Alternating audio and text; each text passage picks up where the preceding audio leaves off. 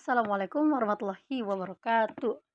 Oke guys, kenalin gue Nazla Inaya dan kali ini gue bakal nge-review sebuah buku karya Teh Dewi Nur Aisyah.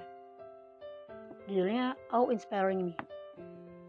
How inspiring berarti mengagumkan hingga tanpa terasa kamu berkata wah dengan mata berminat.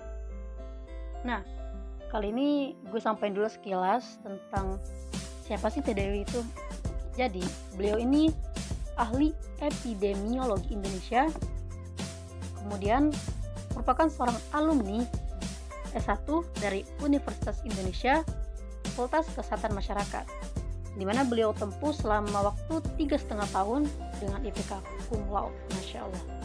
Kemudian beliau lanjut S2 di Imperial College London dengan beasiswa unggulan dikti sampai akhirnya S3 di tempat yang sama dengan beasiswa Presiden Republik Indonesia atau PRB.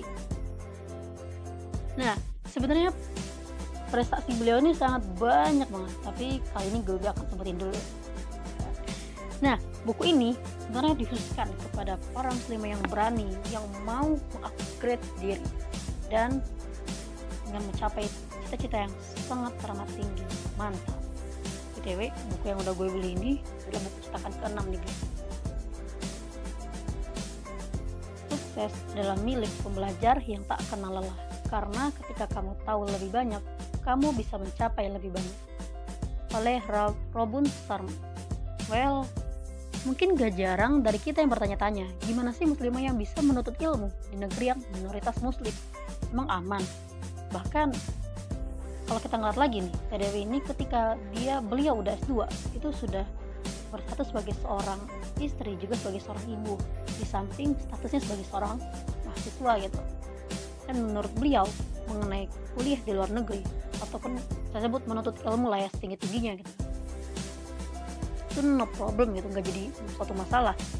Ya karena pendidikan itu nggak dibatasi karena identitas kita sebagai seorang muslimah maupun karena hijab gitu dan di London juga bisa dibilang mereka itu slow dengan perbedaan. Tidak ada yang bisa mencegahmu memutuskan menjadi luar biasa oleh Mark Sandberg ada tiga orang muslimah yang pernah dapetin Nobel Prize atau penghargaan tertinggi kepada mereka yang telah melakukan penelitian menemukan teknik peralatan atau hal yang luar biasa untuk masyarakat. Pertama mereka adalah yang pertama Sirin Ebadi berasal dari Iran sebagai seorang aktivis HAM, yang kedua ada Tawakal Karman sebagai seorang jurnalis dan politisi Yaman, dan yang terakhir ada Malala Yousafzai. Beliau sebagai muslimah Pakistan dengan peraih Nobel termuda pada saat itu umurnya 17 tahun. Wow.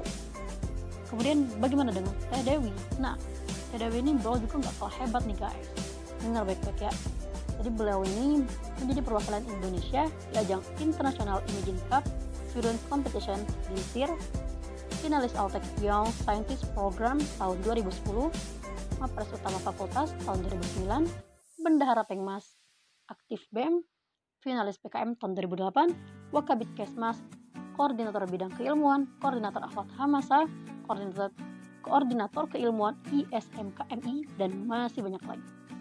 Nah, terus Dewi ini ngasih tahu nih melalui bukunya yang dia buat ini, All Inspiring Me gimana sih cara nyampe cara kita biar bisa dapat semua mimpi yang udah kita rencanain kita buat?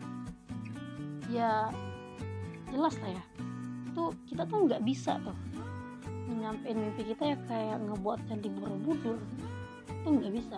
Sehari mimpi sehari langsung dapet dapet semua. Nah itu nggak bisa. Ya.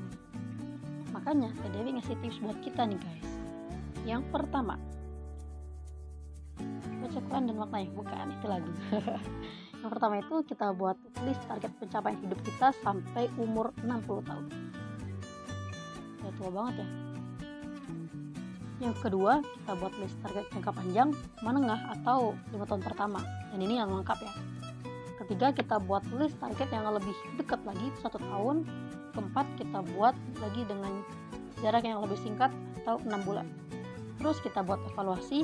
Yang kelima keenam kita buat aktivitas penunjang setiap hari iya aktivitas yang akan mendukung kita untuk mencapai target-target kita gitu ada banyak hal ya bisa dengan kita kalau kita ingin tarik dari bidang keilmuan ya kita baca-baca tentang buku-buku keilmuan, paper-paper, makalah dan sebagainya gitu kan. Dan yang terakhir, kita buat peta amanah per tahun.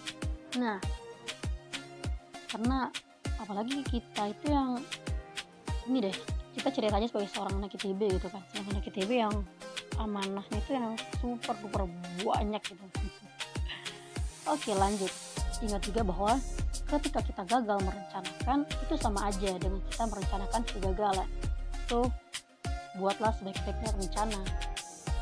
Nah perbedaan antara mereka yang berhasil dalam hidupnya dengan yang lain bukanlah karena kurangnya kekuatan atau ilmu tapi lebih pada kurangnya kesungguhan dan kemauan untuk berhasil lanjut kita sebagai seorang muslim kita memiliki sebuah konsep hidup salah satunya yaitu tawazun Tawazun berasal dari kata tawazana yang berarti seimbang. Seimbang dalam apa? Seimbang dalam hal jasad, akal, dan rohani.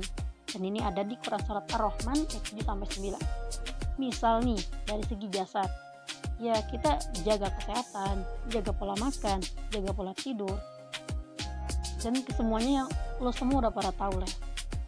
Terus segi pikiran, misal kita pakai nih otak kita buat banyak ya kita cari-cari informasi kita tambah informasi buat kita dengan informasi yang baik. Ada satu kisah menarik yang mau gue bagi. Dari ilmuwan kita ilmuwan bernama Einstein nah Einstein ini dia adalah seorang ahli fisikawan sekaligus matematikawan.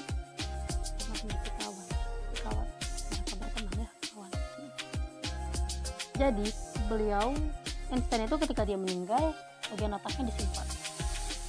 Terus pada tahun 1955 seorang dokter bernama Thomas Charles Harvey dia melakukan otopsi dan menyelidiki bagaimana otak Einstein. Ya kita juga mesti akan berpikir gitu kan, eh kayaknya beda deh satu yang unik barangkali ketika Einstein lahir gitu kan, atau yang berbeda yang membuat dia menjadi jenius gitu kan.